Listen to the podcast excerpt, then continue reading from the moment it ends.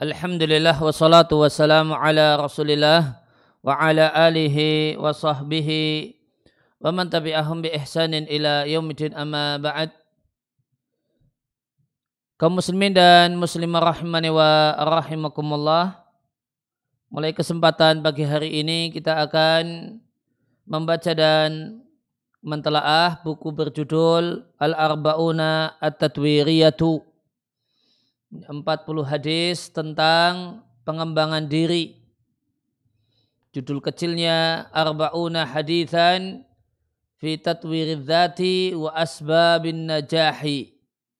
40 hadis tentang kiat untuk mengembangkan diri dan faktor-faktor kesuksesan hidup. Karya Profesor Dr. Ali ibn Ibrahim yaitu wallah alam itu bacanya Ujain atau Al-Ajin. Hafizallahu taala.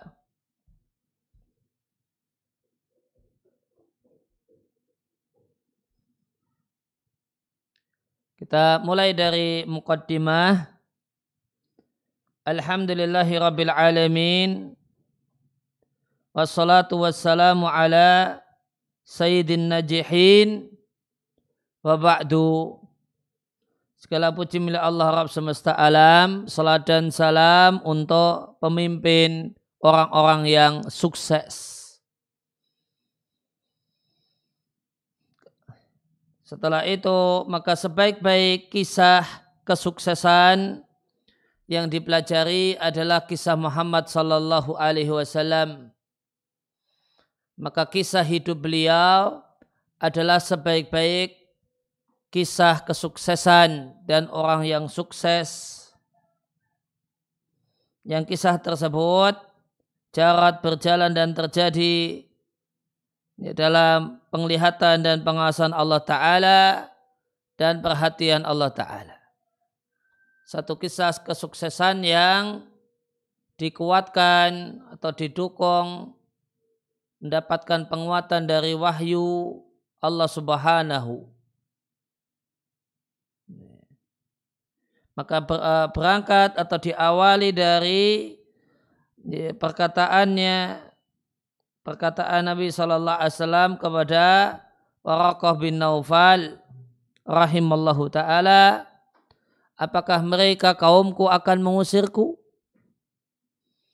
sampai pada kabar gembira dari Allah kepadanya kepada sang nabi dan dekatnya ajalnya. Dengan Allah turunkan e, surat terakhir yang turun sekaligus dari Al-Quran yaitu surat An-Nasr. Idza jaa nasrullahi wal fath. Jika datang pertolongan Allah dan penaklukan kota Mekah Waraitan nasa yang penaklukan kota Mekah yang terjadi pada tahun 8 Hijriah, Ramadan 8 Hijriah. Waraitan nasa dan engkau melihat manusia masuk ke dalam agama Allah afwajan rombongan-rombongan.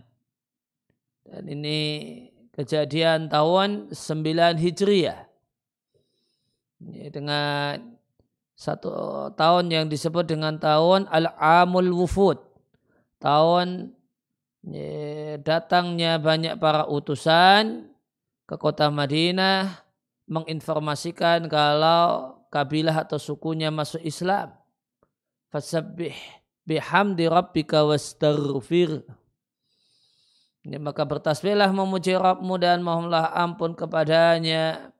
Innahu kana tawwaba Sungguh dia adalah zat yang menerima tobat.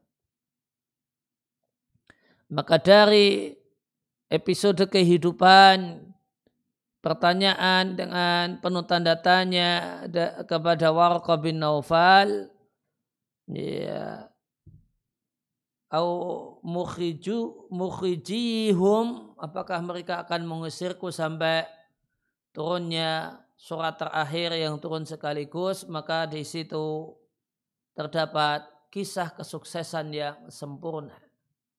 Lengkap dengan peristiwa-peristiwanya, lengkap dengan qiyam, nilai-nilainya, lengkap dengan ma'aniha, pesan-pesannya.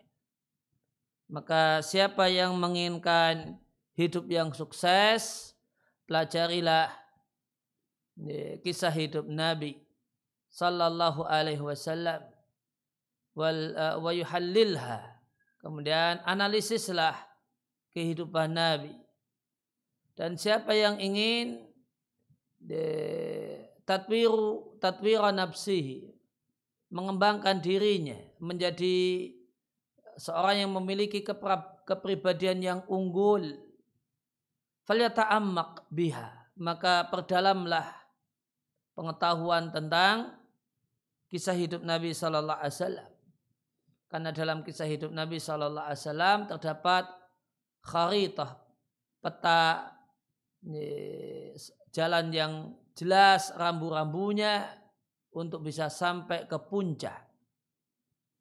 Fa'inan najah karena kesuksesan itu diukur dengan nilai-nilainya, dengan jejak-jejaknya dan dan hasilnya dan wahu, wahahum dan mereka para sahabat adalah manusia-manusia yang sukses. Karena mereka adalah pengikut sang panglima yang sukses. Maka mereka para sahabat mewujudkan merealisasikan mukjizat kesuksesan dengan menebarkan dakwah di seluruh penjuru bumi fi fatratin qiyasiyasin dalam jangka waktu yang bisa diukur.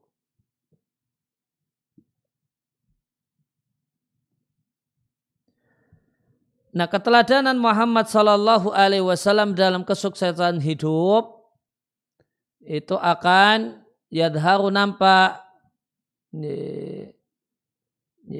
fa'iliyatu sunnati ya, peran. Sunnah Nabi, hadis Nabi dalam setiap medan kehidupan. Abroz zamani wal makan. Melalui ber, uh, melalui berbagai macam zaman dan tempat. Dan hal tersebut dengan mengkaji sebab-sebab kesuksesan pada diri uh, dari uh, dalam uh, kepribadian Nabi dan berupaya memahami sebab kesuksesan yang sempurna dengan dengan mengajukan pertanyaan kenapa Nabi sukses setelah taufik dari Allah Ta'ala kepadanya. Setelah itu kita bisa mempelajari darinya sunnatan najahi hukum Allah dalam masalah kesuksesan dalam kehidupan di dunia ini. Sebagaimana kita pelajari dari Nabi Shallallahu Alaihi Wasallam dari pribadi Nabi Shallallahu Alaihi Wasallam akidah, fikih dan akhlak. Ya, jadi kalau ingin mengetahui, ingin melihat keteladanan Nabi dalam masalah meraih hidup yang sukses, maka caranya adalah dengan ya, dengan melihat hadis-hadis Nabi Sallallahu Alaihi Wasallam.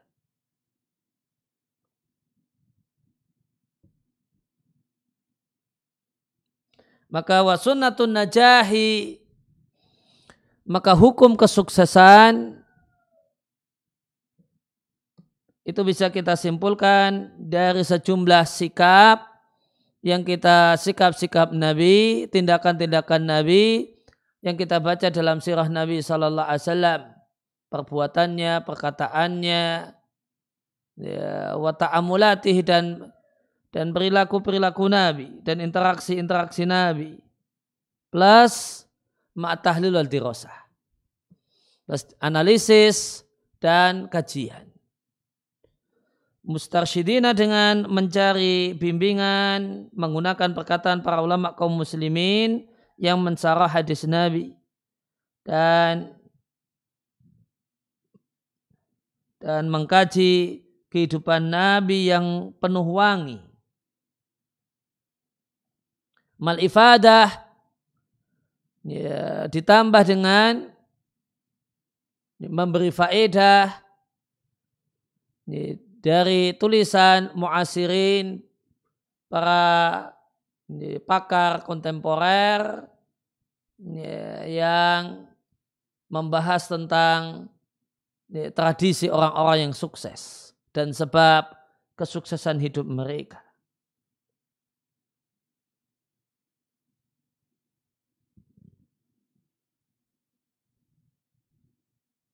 Wahia maka sunatun najah hukum tentang kesuksesan ini adalah tumathilu dinan, menggambarkan agama yang kita beribadah kepada Allah dengannya. Karena agama adalah bagian dari perintah untuk mentaati nabinya. Maka dia adalah bagian dari perintah untuk mentaati nabinya sallallahu alaihi wasallam yang perintah ini ada dalam Al-Quran fi kitabihil karim. Dan Allah kaitkan pahala dan pahala karena meneladani dan meneladani sang Nabi. Dengan mencari ilham, mencari inspirasi dari kisah kesuksesan Nabi Sallallahu Alaihi Wasallam satu hal yang mendorong kita untuk sukses dan tadwirudzat dan pengembangan diri. Menjadi pribadi-pribadi yang unggul. Wafidhalika dan dengan melakukan kajian ini menggali tentang ya, bagaimanakah kiat-kiat hidup sukses dan pengembangan diri yang ini diambil dari hadis Nabi, mempertimbangkan sarah para ulama, Ya, dan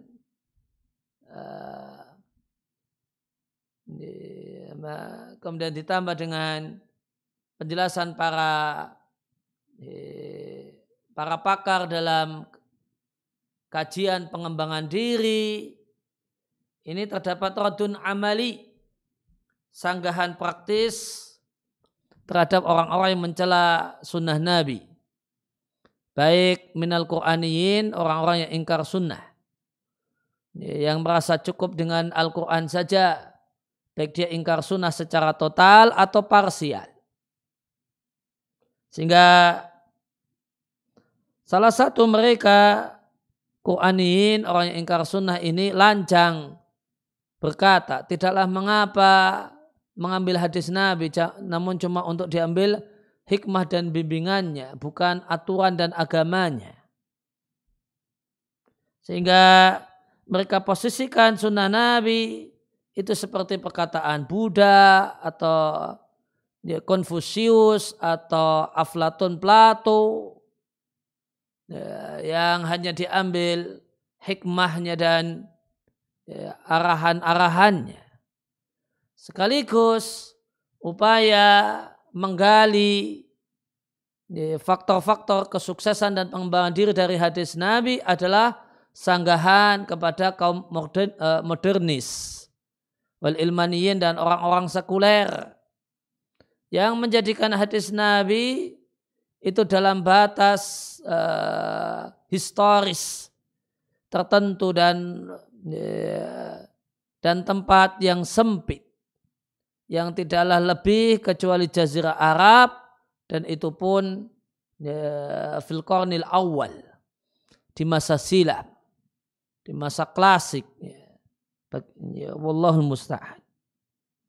Maka sanggan untuk dua dua sanggan praktis untuk dua jenis manusia ini, adalah dengan proyek ini menggali tentang Eh, kiat-kiat kesuksesan hidup dari ya, dari sejarah hidup Nabi dan dari hadis-hadis Nabi. Ya, maka bisa kita nanti kaum modernis itu di tempat kita orang-orang liberal. Ya, maka kita yang mengatakan bahasanya ya, hukum Islam atau aturan-aturan Islam atau hadis Nabi itu hanya berlaku untuk di zaman unta saja. Dan di Jazirah Arab saja. Sudah tidak relevan di masa sekarang maka sanggahannya adalah sanggahan praktis ini ini loh hadis itu tetap relevan untuk zaman modern di antara relevansi hadis di zaman modern ini di hadis itu kita jumpai kiat, manusia sukses yang bisa dipraktekkan dan ya, yang bisa dipraktekkan di zaman modern saat ini. Ini di antara nilai penting kajian dan buku ini. Dan mengikuti jalan salaful ummah yang mengumpulkan uh, generasi Eh, jalan salaful ummah generasi terdahulu umat Islam yang mengumpulkan 40 hadis maka adalah buku ini Al-Arba'una At-Tadwiriyah. 40 hadis tentang pengembangan diri kiat untuk memiliki pribadi yang unggul yang ini diambil dari hadis-hadis yang sahih dari Nabi Shallallahu Alaihi Wasallam yang berisi penjelasan ya, tentang turuk metode praktis untuk pengembangan seorang itu mengembangkan dirinya dan taudih menjelaskan faktor-faktor kesuksesan hidup dalam setiap uh, medan medannya. Kesuksesan kesuksesan agama dan dunia kesuksesan di ini medannya medan-medan kesuksesan agama dan dunia kesuksesan dalam rumah tangga, dalam pendidikan, dalam kerja, dalam bisnis, eh, fil idarah, dalam manajemen, dalam qiyadah, dalam kepemimpinan, dalam leadership.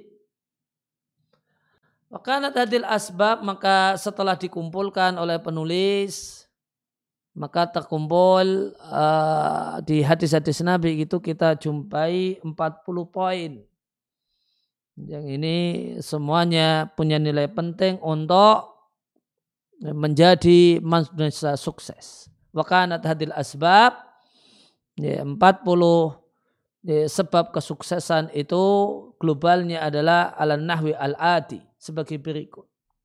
Tawakal kepada Allah. Ya, tinggalkan al-ajiz, ya, ketidakmampuan.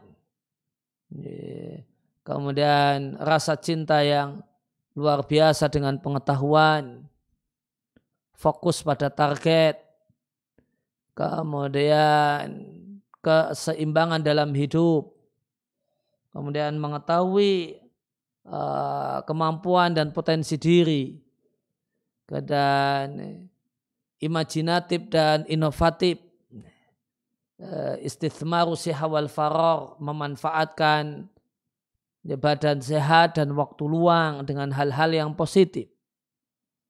Al-ata bila hudud. Ma, ya, ma, ya, berperan ya, tanpa batas.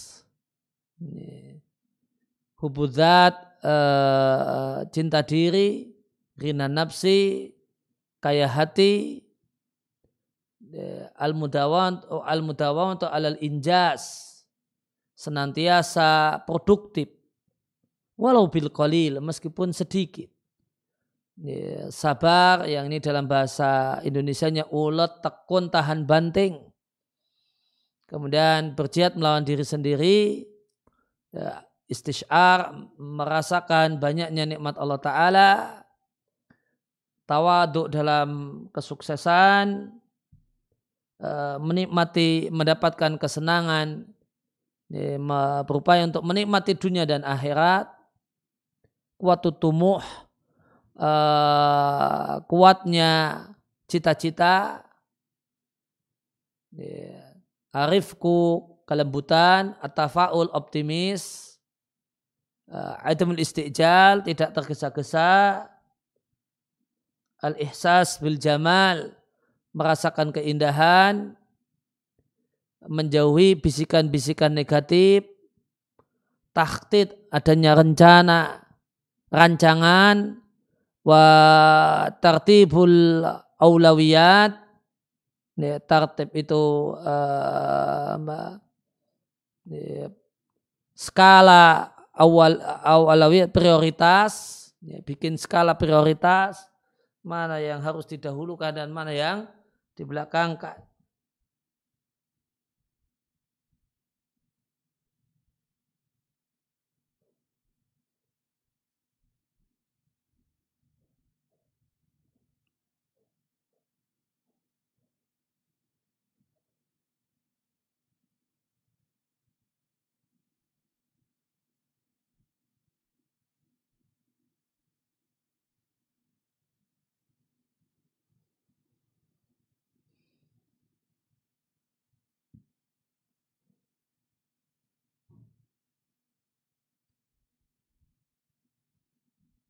Tomuh, tomuh itu keinginan untuk mendapatkan sesuatu yang mulia, terpuji dan unggul.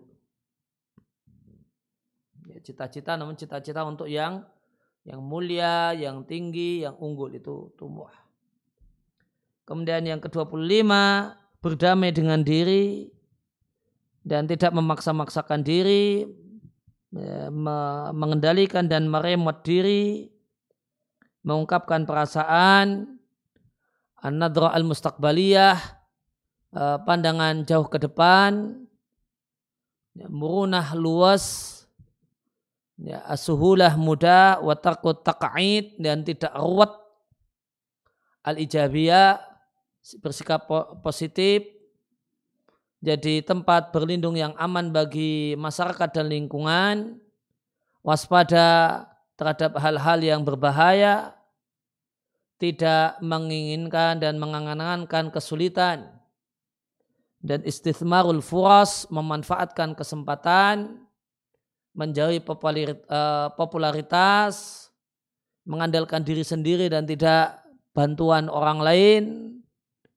Uh, atamayuzu fin najah kemudian memiliki kesuksesan yang unik lain daripada yang lain.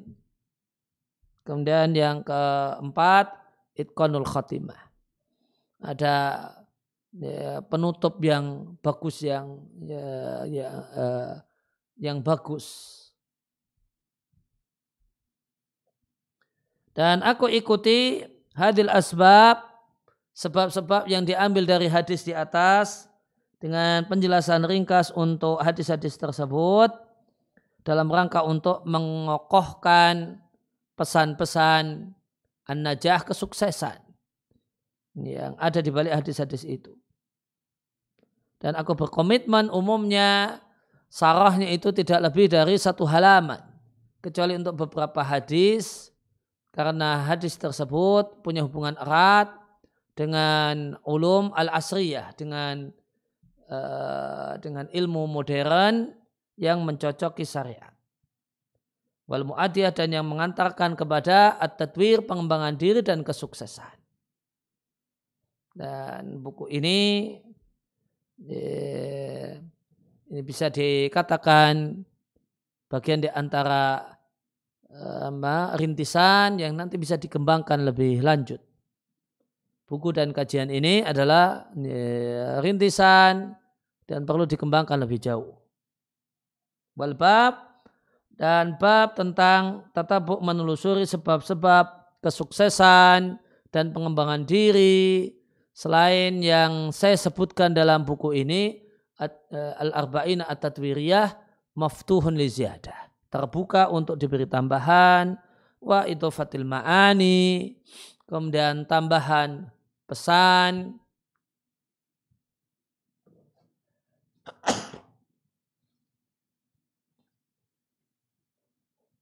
wa ibrasul qiyam dan menonjolkan nilai yang bisa di, semuanya bisa dikali dari sunnah atau hadis Nabi.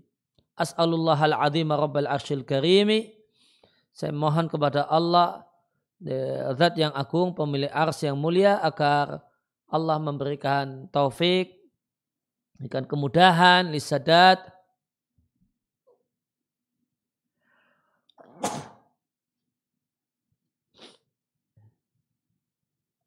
untuk bersikap dan berpendapat yang tepat dan mendapatkan an-najah wan najahi wal falahi kesuksesan dan keberuntungan di dunia dan di akhirat. Wa bahu Ali ibn Ibrahim ibn Su'ud al-Ajin atau al-Ujaid. Ya, kita mulai dari ya, sebab yang pertama yang tadi di Muqaddimah disampaikan sebab kesuksesan seorang muslim yang pertama adalah tawakal kepada Allah Subhanahu wa taala. Ini kiat sukses hidup yang pertama bagi seorang muslim adalah tawakal kepada Allah Azza wa Jalla. Ya, berdasarkan uh, yang ini kita ambil dari hadis dari Abu Hurairah radhiallahu anhu dari Nabi Shallallahu Alaihi Wasallam Nabi sampaikan ya jannata akwamun yang uh, akan masuk surga sekelompok orang yang hatinya seperti hati seekor burung. Sebelum menjelaskan hadis ini, boleh jadi pembaca ya tasa'alu bertanya-tanya. Kalau yas'alu itu bertanya, kalau ya tasa'alu itu bertanya-tanya. Ya, tentu beda. Bertanya sama bertanya-tanya.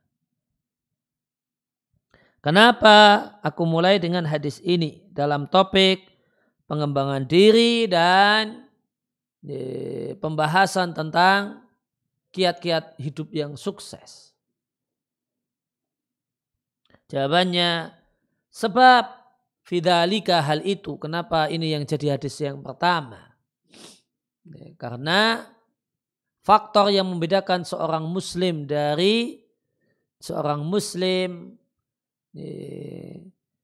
sehingga seorang muslim itu terbedakan dari orang barat dalam perjalanan seorang muslim menuju hidup yang sukses, faktor pembedanya adalah tawakal kepada Allah Ta'ala.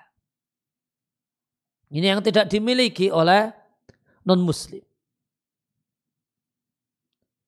Bahkan tawakal dan bersandar dan mengandalkan Allah itu adalah asas pengembangan diri seorang muslim.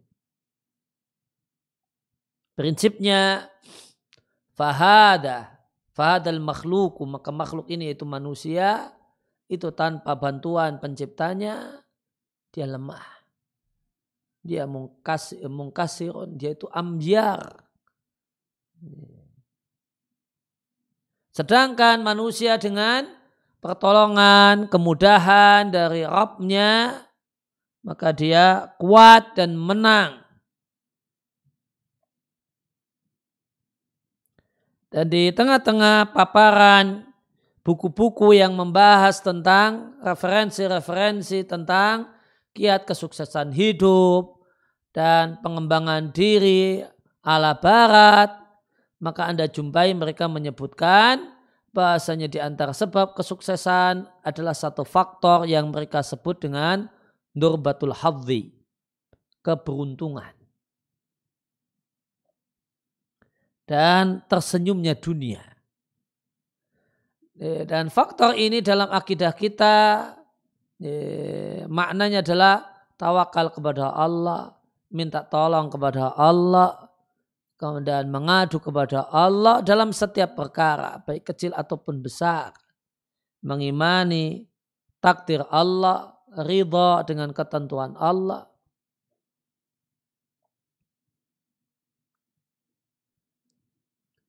Maka seorang muslim mahma utia min ilmin. Betapapun dia memiliki ilmu yang luar biasa, eh, kecerdasan, dan pengembangan diri. Maka jika itu tanpa bersandar kepada sang pencipta, fahuwala syai'ah. Maka tidak ada nilainya. Ini, ini kalimat yang patut untuk di garis bawahi.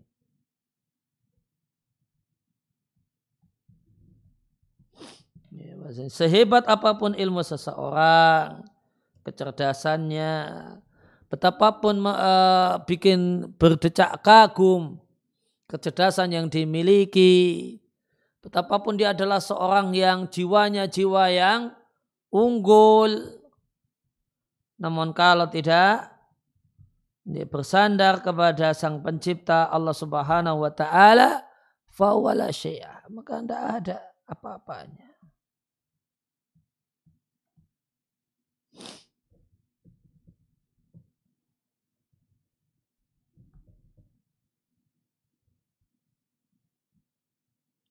Walidhalika oleh karena itu Allah memuji orang-orang yang bertawakal dan Allah menyanjung orang-orang yang bertawakal dalam kitabnya dalam Al-Quranul Karim. Allah Ta'ala berfirman, orang-orang yang beriman yang sesungguhnya adalah orang-orang yang jika Allah disebutkan hatinya merasa takut. Jika ayat-ayat Allah dibacakan kepadanya, maka imannya bertambah. Wa ala rabbihim yatawakkalun dan hanya kepada Allah mereka bertawakal.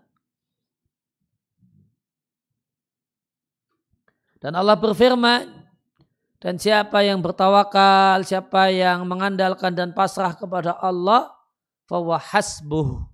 Maka Allah akan mencukupinya. Dan ini satu-satunya amal yang pahalanya adalah Allah cukupi. Itu tawakal.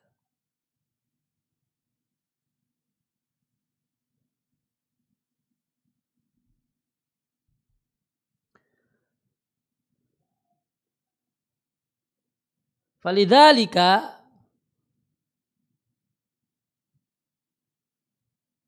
ini kurang lam ya. Karena hadal hadisu hadis ini awalan pertama ya, maka di sini adalah hadis yang pertama. Itu karena itu. Maka hadis ini tentang masalah tawakal adalah asas pengembangan diri kiat untuk menuju pribadi yang unggul bagi seorang muslim. Dan ibadah tawakal adalah bagian dari ibadah hati yang memiliki pengaruh yang real pada perilaku seseorang menuju sukses. Wahia dan tawakal, ibadah hati tawakal ini menggambarkan salah satu bentuk potret ikhlas karena Allah Ta'ala. Para ulama yang mensarah hadis ini menjelaskan titik kesamaan antara hati seekor burung dan hati mereka-mereka yang masuk surga. Mindalika di antara penjelasannya atau titik kesamaannya adalah sama-sama memiliki tawakal yang bagus kepada Allah. Sebagaimana terdapat dalam hadis dari Umar bin Khattab radhiallahu anhu, Rasulullah sallallahu alaihi wasallam bersabda, "Andai kalian bertawakal kepada Allah dengan benar-benar tawakal, La razaqakum kama yurzaqut tayru. Maka niscaya Allah akan berikan rezeki kepada kalian sebagaimana burung diberi rezeki. Burung itu Nabi sebut tawakal. Namun tawakalnya burung itu bukan berarti tanpa usaha. Burung itu tawakal dan dia burung itu ya, tawakal dan ya, dan uh, dan uh, namun burung itu berusaha. Buktinya tardu berangkat pagi, khimason dalam dalam keadaan perut kosong, wataruhu dan pulang sore hari, bitronan dalam keadaan perut kenyang. Ah, maka ada berangkat pagi, ada berangkat ya, sore, artinya ya, keluar rumah ya, secara nyata atau secara maya. Ya, keluar rumah untuk ya, melakukan usaha. Al-Wazir Ibnu Hubairah, beliau ini keren beliau ini ya, menteri namun juga ya, ulama. Ini kan keren ini, pejabat negara, ya, menteri itu posisi eh, di bawahnya khalifah. Ini, posisi di bawahnya khalifah. Itu Ibnu Hubairah. Al-Wazir Ibnu Hubairah.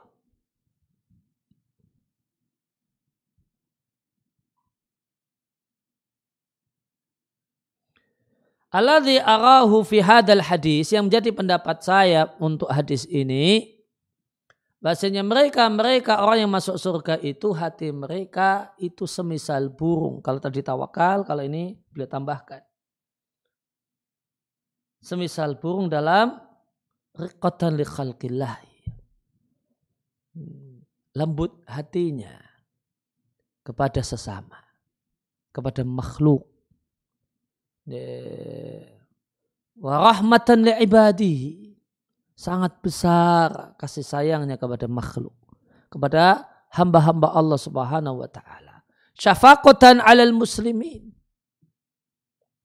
Saya rasa kasih sayangnya kepada kepada kaum muslimin. Besar kasih sayangnya kepada kaum muslimin. Semua kaum muslimin dia sayang. Sehingga jika memberi nasihat, maka nasihat karena motivasi sayang. Jika memberi kritikan, kritikannya itu karena sayang. Dan kritikan karena sayang itu beda dengan kritikan karena benci. Beda cara penyampaiannya, beda pilihan-pilihan katanya, beda intonasinya jika itu bicara langsung. Atau kalau beda kalau dalam bahasa tulisan pun beda. Ya, tidak kemudian hurufnya besar-besar, terus tanda suruhnya berderet-deret. Ini ya, tidak demikian orang yang memberikan nasihat dengan penuh kasih sayang. Maka beda pilihan katanya, beda intonasinya, beda gaya bahasanya. Maka seluruh kaum muslimin, baik itu satu pengajian dengan dirinya ataupun beda pengajian, punya kebiasaan yang sama atau punya kebiasaan yang berbeda, suka acara ini dan itu, itu tetap kemudian syafaqah. Sehingga senang ketika kaum muslimin senang, jika bukan malah sedih ketika kaum muslimin gembira. Kemudian sedih ketika kaum muslimin sedih. Ya, bukan malah bahagia ketika ya, ya, ketika banyak kaum muslim atau umumnya kaum muslimin uh, sedih karena ada musibah, karena kematian atau yang lainnya atau bencana alam dan dan sebagainya. Maka seperti burung penghuni surga itu yang uh, itu hatinya manusia-manusia calon penghuni surga itu hatinya seperti burung dalam kelembutannya. Orangnya itu lembut. Ya. Orangnya itu peduli, orang tuh em, eh, orangnya itu empati, ya. orangnya itu uh, punya iba yang tinggi, belas kasihan, sedih ketika tidak bisa menolong orang lain, sedih karena tidak bisa ya, banyak berbuat. Ketika kaum muslimin itu mendapatkan kesusahan dan derita.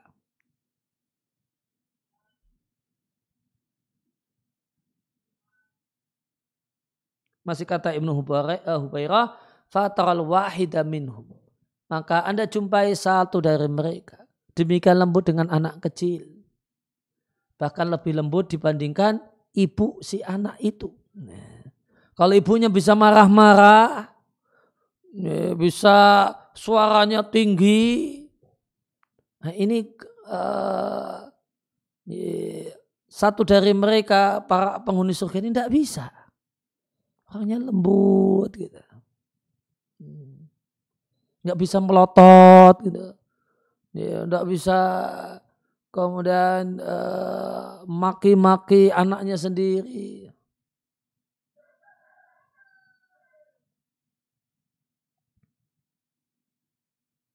dan dia uh, sayang atau kasihan alal gulam kepada kalau uh, kepada kan, anak-anak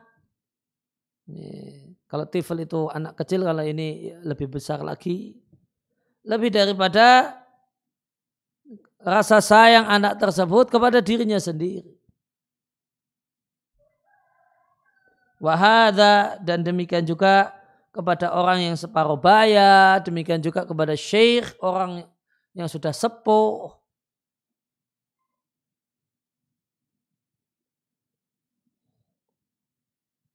Thumma kemudian mulia dirinya. Kemuliaan dirinya sampai juga sayang dengan hewan, iba dengan hewan, kasihan dengan hewan. Sehingga tidak ada kemudian hewan jadikan sebagai sasaran, kemudian disiksa, sasaran panah atau sasaran tembakan, ya. burung digantung, kemudian dor atau kemudian ya, mancing namun tidak ada untuk main-main, mancing dapat ikan, kailnya dilepas, ikannya dimasukkan lagi, dipancing lagi, kena lagi, dilepas lagi, wah ini udah dua tusukan ini, udah dilepas lagi, tidak, tidak demikian. Hatta ya taharoja, sampai hatinya itu sempit. Min qat'is syajari ainan. Untuk motong pohon Ya, untuk motong pohon ainan mungkin eh, pohon tertentu. Ya, untuk motong pohon tanpa ada manfaat, tanpa ada keperluan, cuma iseng gitu.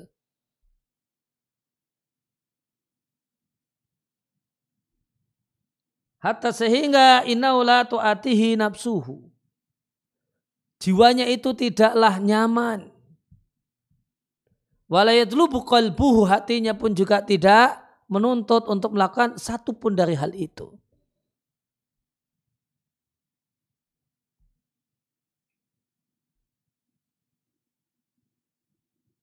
Wakal Ibnu Hubairah kemudian mengatakan dan boleh juga antakuna kulubuhum hati mereka ini seperti hati burung dalam salah aspek rasa takut kepada Allah dalam segala sesuatu. Sampai-sampai mereka meskipun mereka taat kepada Allah, mereka khawatir dan takut.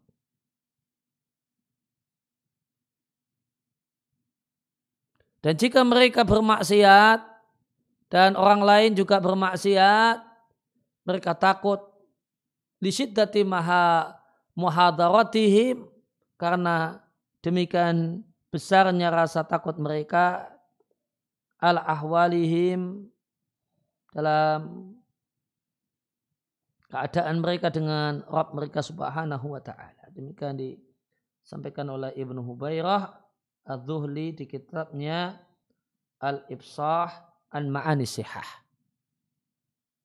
Ya, maka ada awalnya ada tawakal, kemudian ada kasih sayang. Ya, kalau dari Ibnu Hubairah ada dua, uh, kelembutan dan kasih sayang. Kemudian yang kedua adalah Eh, kekhawatiran dan ketakutan. Atibi mengatakan Kotakara fi ilmil bayan dalam ilmu bayan yang merupakan bagian dari ilmu balaghah itu telah uh, telah baku dalam ilmu bayan. Bahasanya jika wajah syabah itu jika disembunyikan hati mereka seperti hati burung. Dalam hal apa? Tidak disebutkan. Nabi mengatakan hati mereka seperti hati burung. Dalam hal apa? Ah, titik-titiknya dalam halnya tidak disebutkan. Maka ini berarti disembunyikan. Maka kaidah dan ilmu bayan amma tanawuluhu. Cakupannya lebar. Sehingga dengan hal ini tasbih dalam hal ini ablar lebih luar biasa, lebih berkesan dibandingkan seandainya wajah syabah itu disampaikan secara terbuka. Ya, karena umum cakupannya ya berarti semua penjelasan tentang kesamaan antara hati penghuni surga dan hati burung itu semua menjadi maknanya. Fayam bari ayuh malal hadithu alal madhkurati kulliha. Sehingga hadis itu sepatutnya dimaknai dengan semua cakupannya yang menjadi titik kesamaan antara burung dan ya, hati para penghuni surga. Sehingga yang pertama husnul tawakul, tawakal yang berkualitas. Yang kedua sebagaimana dari Ibnu Hubairah, riqatul qalbi, kelembutan hati. Kemudian yang ketiga sidatul khawfi, besarnya rasa takut kepada Allah Ta'ala.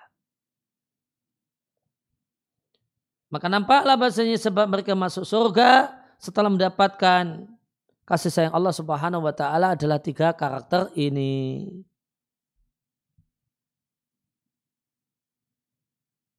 Walayamna ayat jemaah walayumna dan tidaklah terlarang kalau kita gabungkan. Antara tawakal, hati yang lembut dan besarnya rasa takut. Kalau tiga ini kita jadikan sebagai satu kesatuan juga bisa. Bukan sendiri-sendiri gitu, namun jadi satu kesatuan. Nah gimana? Fa'innal mutawakkila raqiqul kolbi. Orang yang betul-betul tawakal itu hatinya lembut. Nisiddati ta'alqihi bi rabbihi. Karena besarnya ketergantungannya kepada Allah subhanahu wa ta'ala. Dan besarnya rasa takutnya kepada Allah. Sehingga ingin jadi manusia yang sukses. Maka kiat pertama adalah kun katairi mutawakila. Jadilah seperti seorang bu, seekor burung yang ya, yang bagus tawakalnya kepada Allah Subhanahu wa taala. Semangat bekerja, semangat berupaya, ya, semangat melakukan uh, step demi step menuju sukses, namun hatinya pasrah kepada Allah Subhanahu wa taala.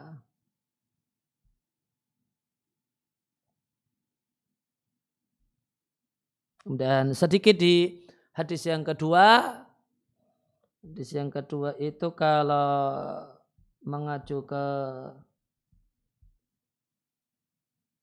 ya, mengacu di mukadimah tadi takul ajzi judulnya. Ya, semestinya lebih bagus kalau di atasnya hadis itu ada ada judulnya takul ajzi di sini. Judulnya adalah takul ajzi. Ya. Jangan kemudian merasa tidak mampu. Anda bisa. Orang yang sukses itu punya prinsip Anda bisa. Dia bisa, kenapa saya tidak bisa? Saya bisa. Gitu.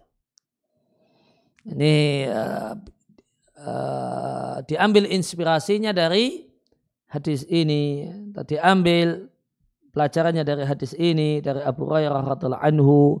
Rasulullah sallallahu alaihi wasallam bersabda, mukmin yang kuat lebih baik dan lebih Allah cintai daripada mukmin yang lemah wa fi kullin khairun. Namun dalam semuanya baik mukmin yang kuat ataupun yang lemah terdapat kebaikan. Ihris alama yanfa'uka. Nah, tamaklah, rakuslah, antusiaslah, semangatlah untuk semua hal yang manfaat. Namun jangan lupa minta tolong sama Allah. Wala ta'jiz. Jangan punya uh, uh, jangan kalah sebelum berperang. Terjemah bebasnya demikian. Jangan ajiz itu bukan lemah ya. Nah, beda lemah antara. Ini, kalau ajiz itu tidak ngapa-ngapain gitu. Kalau lemah itu ngapa-ngapain tapi hasilnya cuma kecil. Jangan kalah sebelum berperang. Ini, kata orang dia mungkin kalau pakai bahasa Jawa, ojo mutungan gitu ya. Ya, jangan patah arang. Anda bisa. Gitu. Namun jika kiat-kiat ini semua telah dilakukan, ternyata wain asobaka syai'un. Ya, terjadi sesuatu yang tidak diharapkan, maka jangan katakan. Lau anni fa'altu kada, karena kada wa kada. Seandainya kemarin itu yang kulakukan adalah demikian, niscaya akan terjadi demikian dan demikian. Walakin kul, non katakanlah, ini ada dua cara baca, bisa qadarullahi wa masya'a fa'ala, bisa qadarullahu wa masya'a fa'ala. Allah mentakdirkannya, dan apa yang Allah kehendaki itulah yang terjadi. Fa'inallahu karena andai-andai berkenaan dengan masa silam, itu hanya membuat, membuka amal syaitan. Amal syaitan apa? Al-husnu. Larut dalam kesedihan ya, terpenjara oleh masa lalu. Ya, penjelasannya. Ya, penjelasannya pakai sudut pandang ilmu pengembangan diri. Ya. Ya, Al-ajiz. Ya. Ketidakmampuan. Ya. Ya ketidakmampuan kalah sebelum berperang itu tidak cocok dengan iman kepada Allah Ta'ala. Wal mutawakkil ala Allah husna tawakal. Orang yang punya prinsip pertama. Bertawakal kepada Allah dengan kualitas tawakal yang indah, yang bagus. Gak akan tertimpa penyakit ini. An-najihun orang-orang sukses. Orang yang sukses belajar, sukses bekerja. Orang yang sukses akhiratnya, sukses dunianya adalah abu adun nasi anhu. Adalah orang yang paling jauh dari ini mentalitas melempem kayak gini. Kata orang Jawa ini kualitas mental kerupuk. Kena air kemudian langsung sudah mengkerut habis. Tidak demikian. Karakter orang-orang yang sukses. Ini ya. Ajis di sini itu ajis apa? Ajis, uh, ajis tidak bisa ngapa-ngapain, bukan ajis fisik karena stroke sehingga nggak bisa ngapa-ngapain. Karena cacat fisik nggak bisa ngapa-ngapain. Nggak bisa melihat dan tidak bisa membaca karena buta. Nggak bisa berjalan karena uh, patah kaki. Bukan. Ajis di sini bukan ke ketidakmampuan fisik. Wal ajiz huna huwa ajizun nafsiyun. Nih Ketidakmampuan di sini yang dilarang wala takjiz itu adalah ketidakmampuan karena kejiwaan, karena mental. Ajizun nafsiyun, kejiwaannya, jiwanya, mentalnya. Bukan ketidakmampuan karena enggak mampu secara fisik. Dan ini dikenal dalam uh, ini ada biat ilmu nafsi dalam eh, ilmu dalam ilmu psikologi dalam dunia ilmu psikologi ini disebut dengan ajis muktasab. Jadi apa itu? Lenet, eh, learn, helpness, eh, ketid, eh, ketidakmampuan yang diusahakan yaitu ya gara-gara orangnya itu sendiri. Tidak mampu karena gara-gara orangnya itu sendiri. Yang melempem, yang mentalnya mental kalah.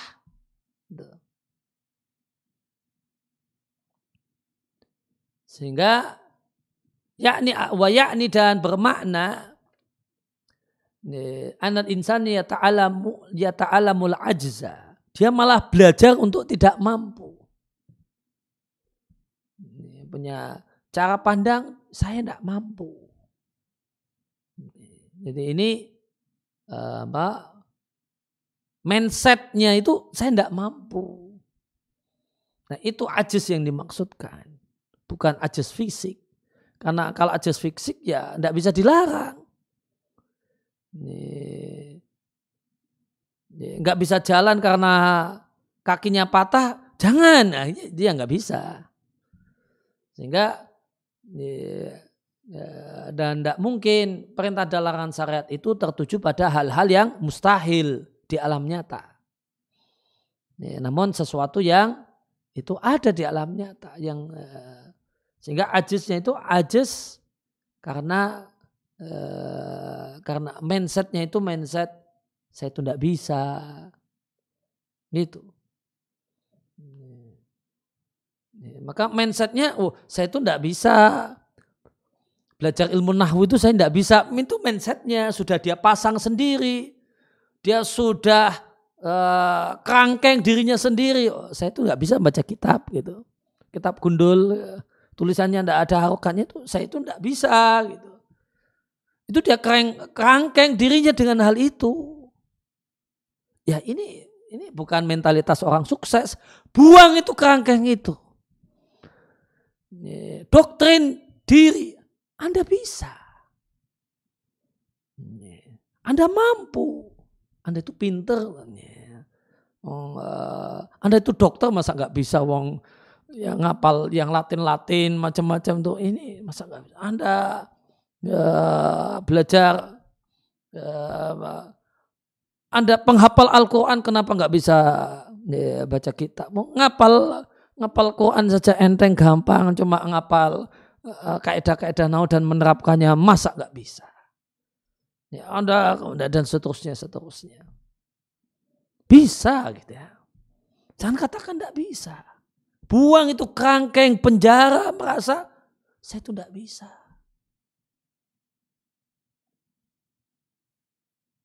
Ya, nah gimana orang itu aja muktasab itu? Ya kalau dia berpandangan. Bahasanya jeripayah yang dikorbankan di jalan kesuksesan itu tidak ada manfaatnya. Saya itu belajar ya nanti cuma bolak-balik, ya, nggak bisa, bisa, ujungnya nggak bisa. Saya sudah usaha begini-begini nanti paling-paling ujungnya saya tidak mampu. Nah ini ajis muktasab, ini yang dilarang oleh Nabi. Maka dia berpandangan bahasanya jeripayah yang telah dikorbankan di jalan kesuksesan tidak ada faedahnya. Bisa babi tajribatin ghairi najihatin. Karena sudah nyoba sekali dan tidak sukses. Nanti mentalnya mental kalah. Akhirnya yastaslimil fasli. Pasrah kalau gagal. Saya itu orang gagal. Saya itu ya, orang ya ya, gagal.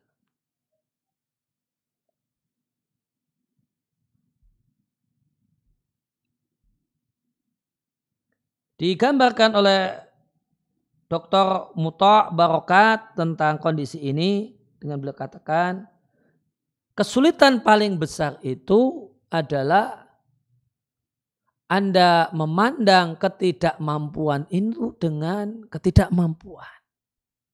Ya, itu kesulitan terbesar. Itu harus dimerdekakan dulu, dilepas dulu.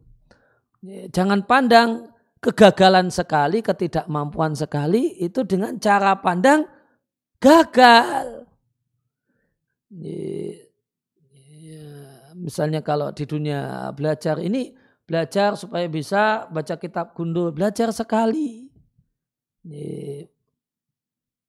Nggak nggak bisa. Nah nggak bisanya itu dipandang nggak bisa. Ya nggak bisa sungguhan.